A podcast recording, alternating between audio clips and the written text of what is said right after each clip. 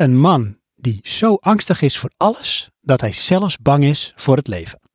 Dat is Bo. En Bo is de hoofdpersoon uit de nieuwste surrealistische tragicomedy horrorfilm van Ari Aster, genaamd Bo is Afraid.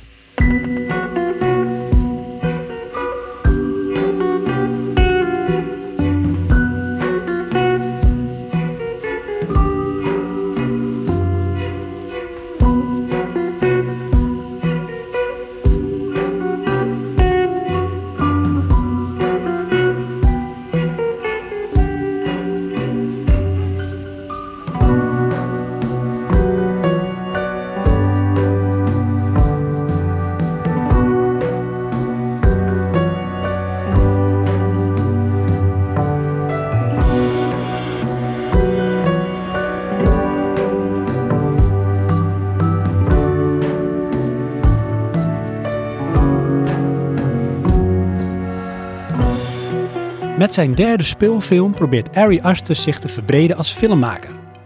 Waar hij hiervoor de, vind ik, super enge horrorfilms Hereditary en Midsommar maakte, slaat hij met Bo is Afraid een ander pad in.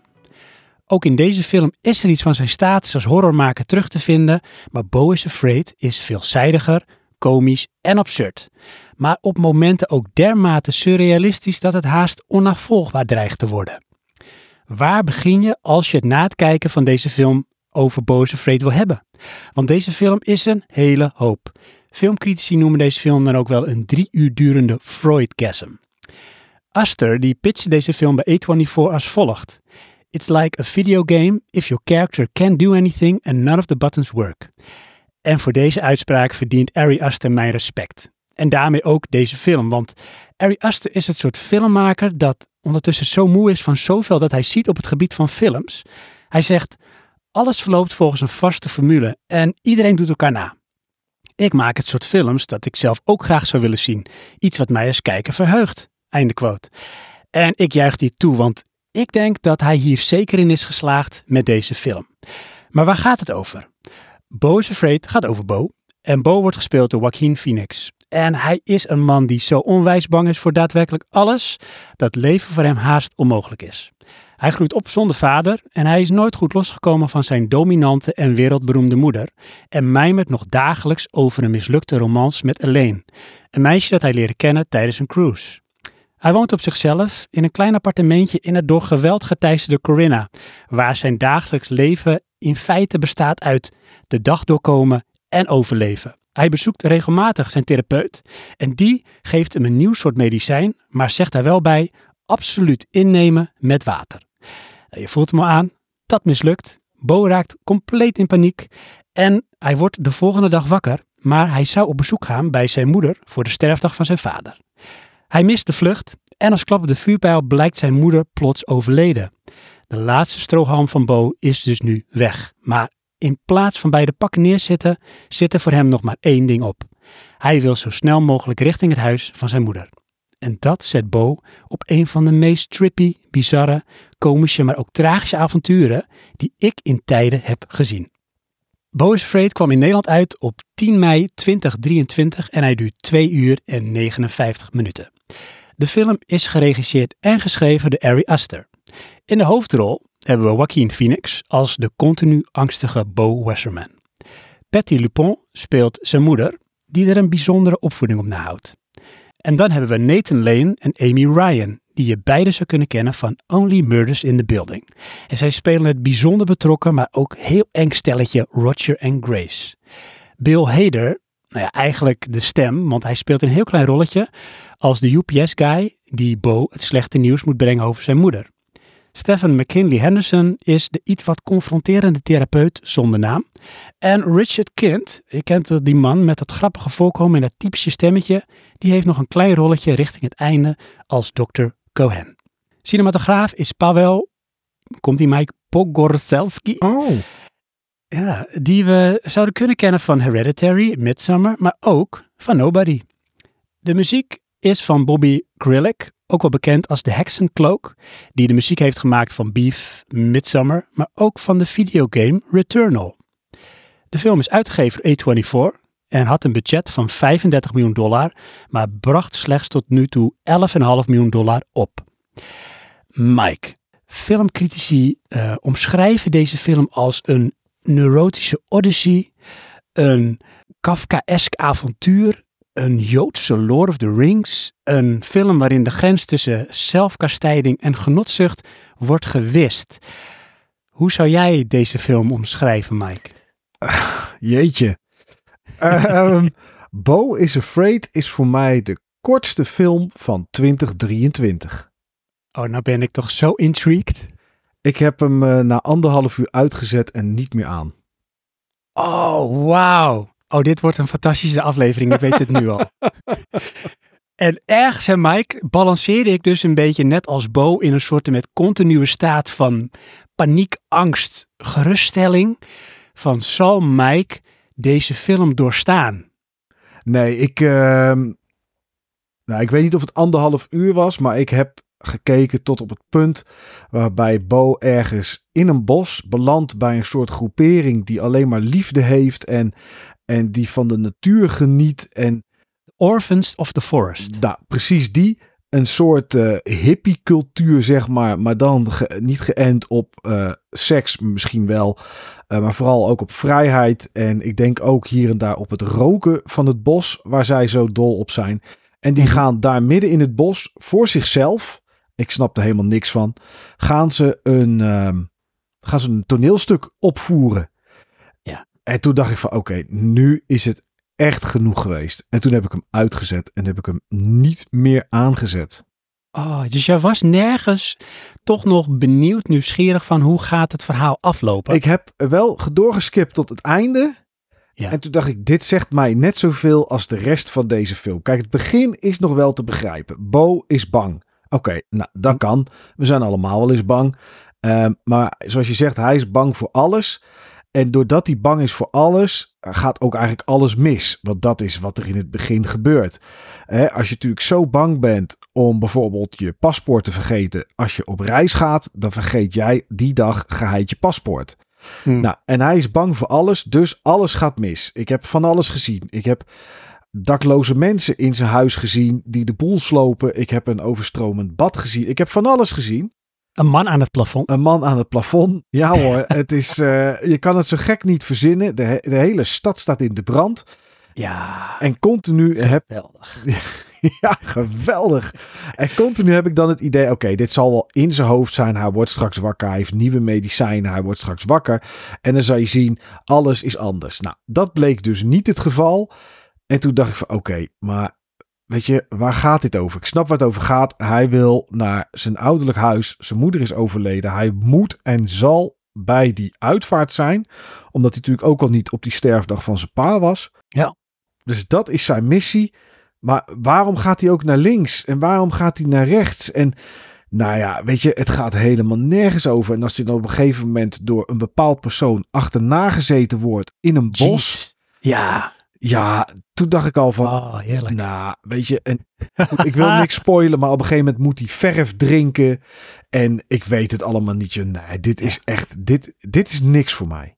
Kijk, en dat is natuurlijk wel iets. Hè, en dit is zeg maar een beetje, uh, hoe noem je dat? Een film met kijkadvies. Viewer discretion.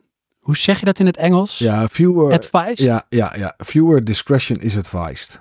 Ja, nou, en dat is bij deze film, en dat is ook al bij Ari Aster het geval. En nou is het wel zo, wat ik zei, um, dit is zijn derde speelfilm. Hiervoor heeft hij Hereditary en hij heeft Midsommar gemaakt. Ja, Hereditary en dat zijn films. Gezien. Ja, nou dat waren beide films die ik niet durfde te kijken.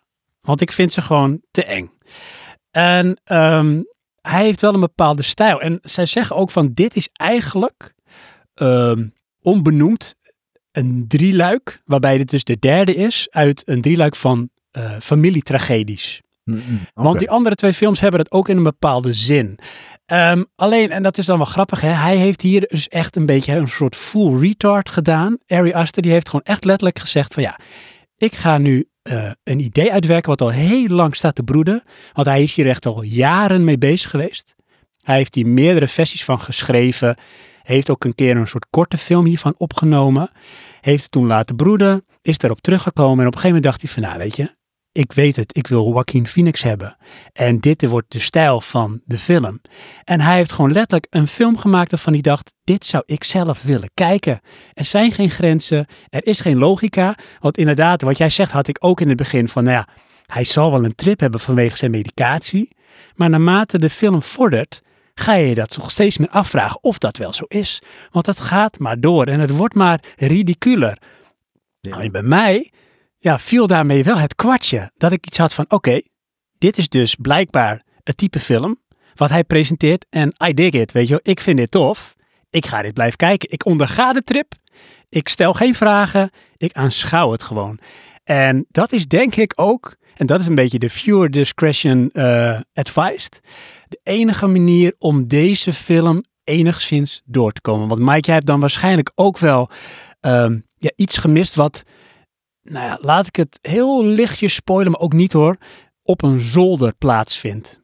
Mm jawel, dat, ik, weet, dat, ik kan me dat wel herinneren, die zolder en, en, en, en wat daar gebeurde. Nee, ja, weet je, als, als, als Ari, ik mag Ari zeggen, als Ari, ja, uh, als Ari zoiets heeft van, ik wil graag een film zien, een film maken die ik zelf zou willen zien en die is nog niet gemaakt, beste Ari, daar is een reden voor.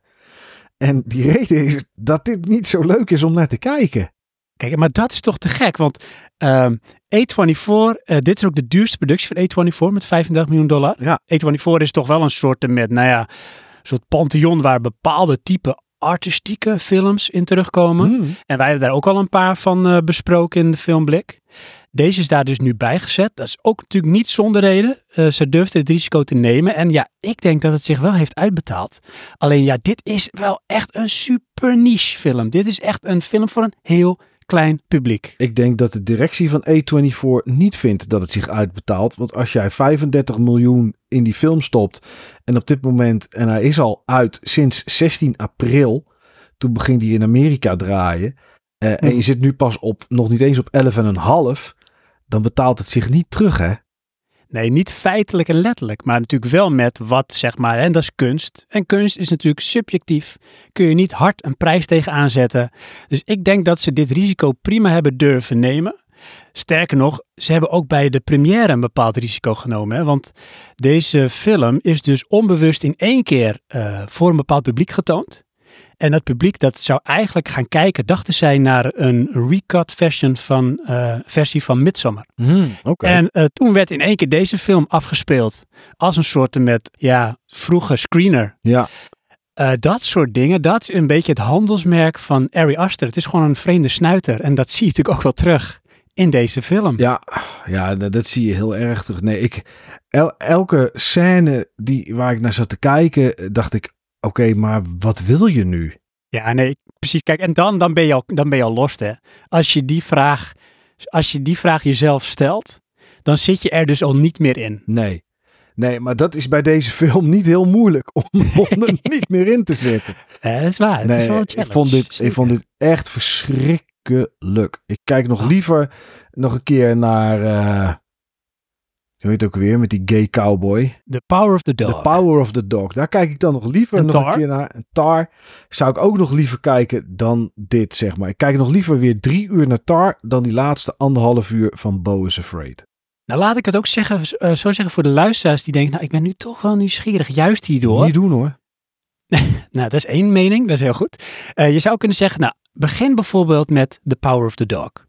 En uh, luister dan als eerste de podcast, want dan krijg je ook wat handvatten mee. En als je die overleeft, denk ah, oké, prima. Ga je dan door met Tar, ga je ook eerst de podcast luisteren. En als je dan denkt van, ja, maar nou zit ik erin. Prima, dan luister je deze podcast en dan ga je Bo is Afraid ga je kijken. Tar, als je dat gekeken hebt, Sven, dan denk ik dat je eerst Everything Everywhere All at Once moet proberen. En als je daar doorheen komt ja. en je vindt dat interessant, ja slaap dan nog een keer een nachtje over Bo is Afraid. Ja, precies. Dat is wel een, goede uh, volgordelijkheid. Um, voordat we afsluiten, Mike, wil ik heel kort nog even hebben over uh, het uh, acteerwerk. En dan met name het acteerwerk van Joaquin Phoenix. Ja. Want um, ja, die heeft er wel een bepaalde chemistry met Ari Aster is gebleken. Ze kenden elkaar daarvoor niet qua werk. Ze hebben nu voor het eerst samengewerkt. En um, omstanders zeiden van Het was net of het hele oude vrienden waren die al heel veel hadden samengewerkt. Met andere woorden, ze begrepen elkaar. Uh, wat vond jij van het acteerwerk van Joaquin Phoenix? Ja, ik vind het sowieso een hele goede acteur. Uh, ik kan me ooit nog eens een keer herinneren dat hij volgens mij bij David Letterman zat. En toen gaf hij aan om te stoppen met acteren. En toen dacht ik, nee, dat zal toch niet, joh. Dat zou echt enorm zonde zijn. Ja. Uh, gelukkig is dat niet. Ik bedoel, uh, over een maand of twee, drie, dan schittert hij in Napoleon. Um, maar ik vind dit een hele goede acteur. Die voor mijn gevoel bijna alles kan spelen. En ook dit. Ja? Want het lijkt inderdaad echt alsof hij knettergek is. Ja, dat. Hij speelt het met zo'n soort nonchalance en gemak. Dat je echt denkt van, is dit diezelfde guy die ook in Science zit? Of uh, in Her? In Gladiator. In Gladiator, precies.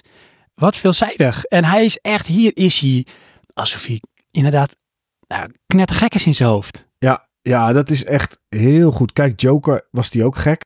Oh, Joker, ja, zeker. Uh, maar Zo. dit, ja, hij doet dit echt heel erg goed. Want hij, hij oogt echt alsof hij bang is. Ja, en met, met hele subtiele uh, geluidjes die hij maakt. De blik in zijn ogen, zijn mimiek.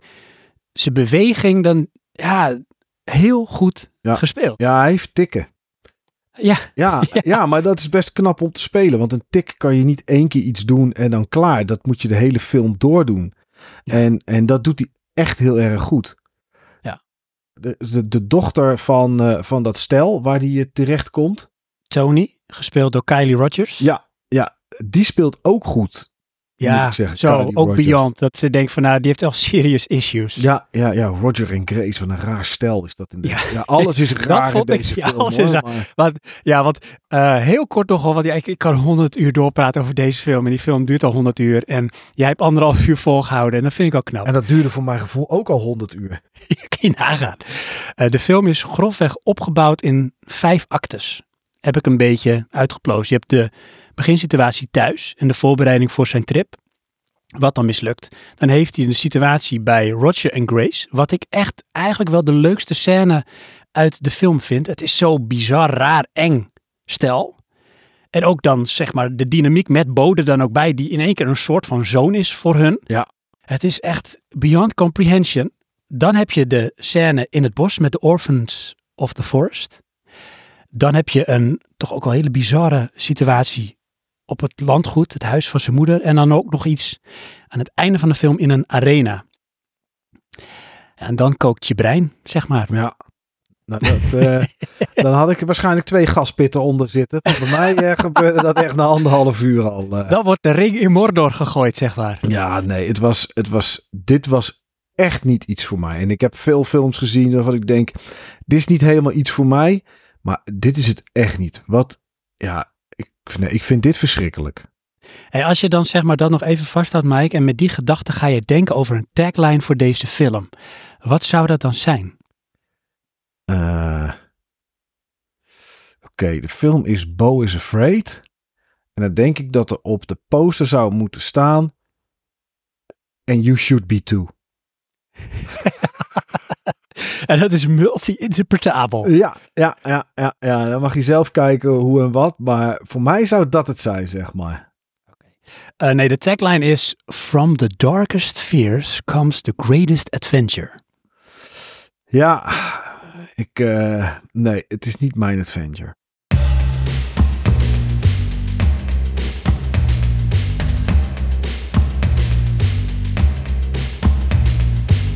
En zo zie je maar. Bo is Afraid is niet een film voor iedereen. En Ari Aster is niet een filmmaker voor iedereen. En waar de een met hem wegloopt, rent de ander het liefst zo hard mogelijk van hem weg. Maar Bo is Afraid is wel een film die een bepaalde snaar raakt. Dat is de kunst en de kracht van Ari Aster. En als ik je nou, lieve luisteraar, nog één keer een viewer discretion advice zou mogen geven, dan zou het dit zijn. Luister nog eens een keer naar deze podcast. Ga er dan inderdaad, zoals Mike zegt, een nachtje over slapen. Maar zet de volgende dag dan toch deze film op. Ga hem kijken zonder verwachting. En ja, de kans is groot dat deze film je enigszins of compleet in verwarring achterlaat. Maar ik denk toch wel dat hij dan stiekem in je hoofd gaat zitten. En dat je achteraf blij bent dat je deze film gekeken hebt.